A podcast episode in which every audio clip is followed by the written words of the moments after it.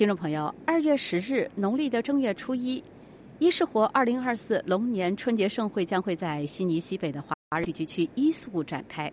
为了更加深入的了解这次盛会的精彩庆典和活动，我们为大家邀请到了主办方的工作人员嘉莹，她将为我们来揭开伊素这个华人重镇的独特风采，以及新春的庆典有哪些不同于往年的精彩安排。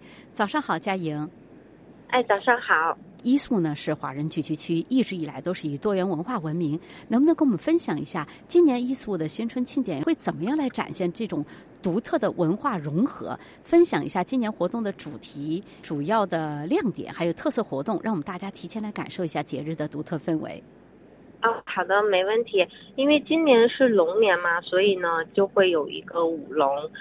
与往年不一样呢就是这个。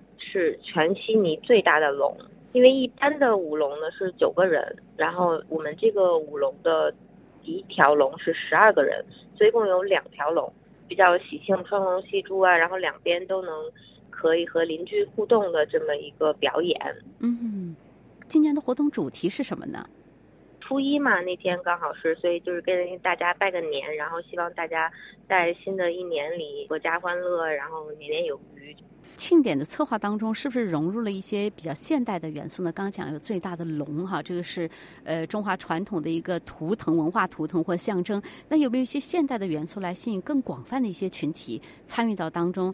有没有融合一些传统和现代的独特的活动？有的，有一个其中的主办方是澳洲武术文化协会。那我还没有说这个龙的表演，参加表演的人有一半是外国人。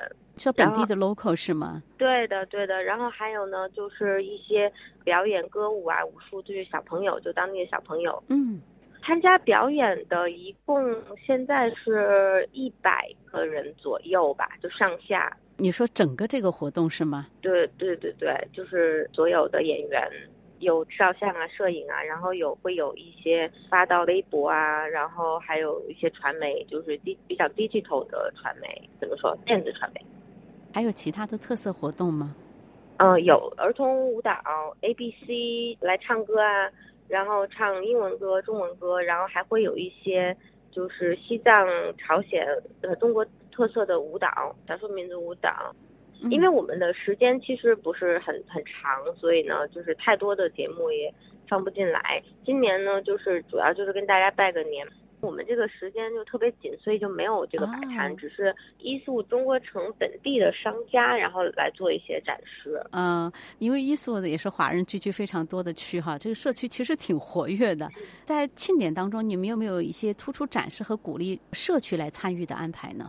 对，这次的很多赞助商都是那两条街的商家，嗯，然后还有就舞龙的时候会跟那个商家互动，因为我们也是第一次以中国城这个，因为这个名字是去年才申请下来的，所以我们就相当于就是大型社区活动第一次以这个艺术 China Town，原来是没有这个名字的。今年活动的主题能再给我们讲一下吗？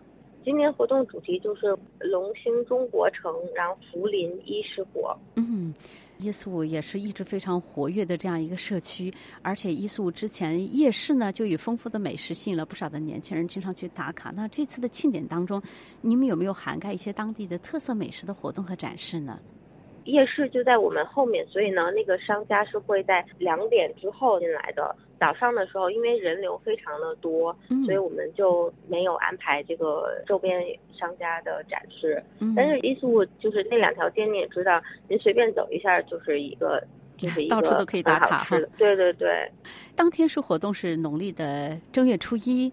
我估计去的很多的朋友都会是携家带口的。你们有没有专门为家庭和儿童准备一些什么项目，来确保这些家庭和都能够参与到当中？比如说，让小朋友可以有些什么参与，让家长有些什么样参与呢？啊，我们有一个写春联的这么一个活动，然后还有一个大抽奖，非常非常丰富的奖品。嗯，可以透露一下有什么大奖吗？我只知道有很多，就是都排不过来那种。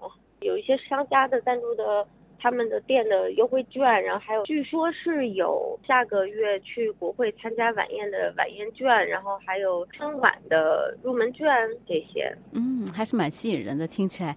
那你们有没有估计过这次参加你们这个活动会有多少人会到伊苏来参与？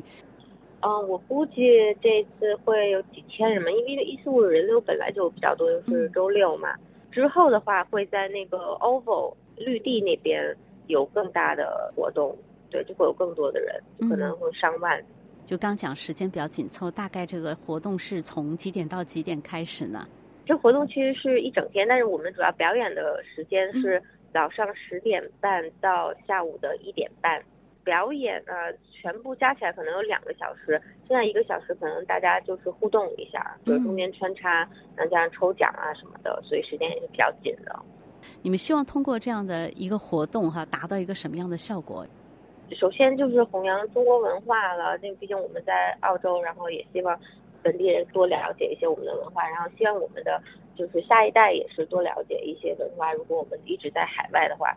希望还是跟祖国有一些交流，留下一些比较传统的这这么个。还有就是希望更多的人可以关注一下伊斯可以不只是我们自己人了，但是还有其他国家的人也可以来。其他社区你说的是对其他社区对跟其他社区有一个文化的交流，然后希望其他社区的人也多来参与伊斯的活动，然后给本地商家带来更多的人流。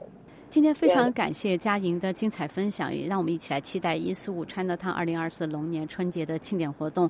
所以，不管是当地的居民，还是我们的听众朋友，还有游客，这个盛会呢，相信都会给大家带来非常难忘的新春体验。也让我们一起在节目当中来共同迎接龙年的到来。谢谢佳莹的时间。好，谢谢。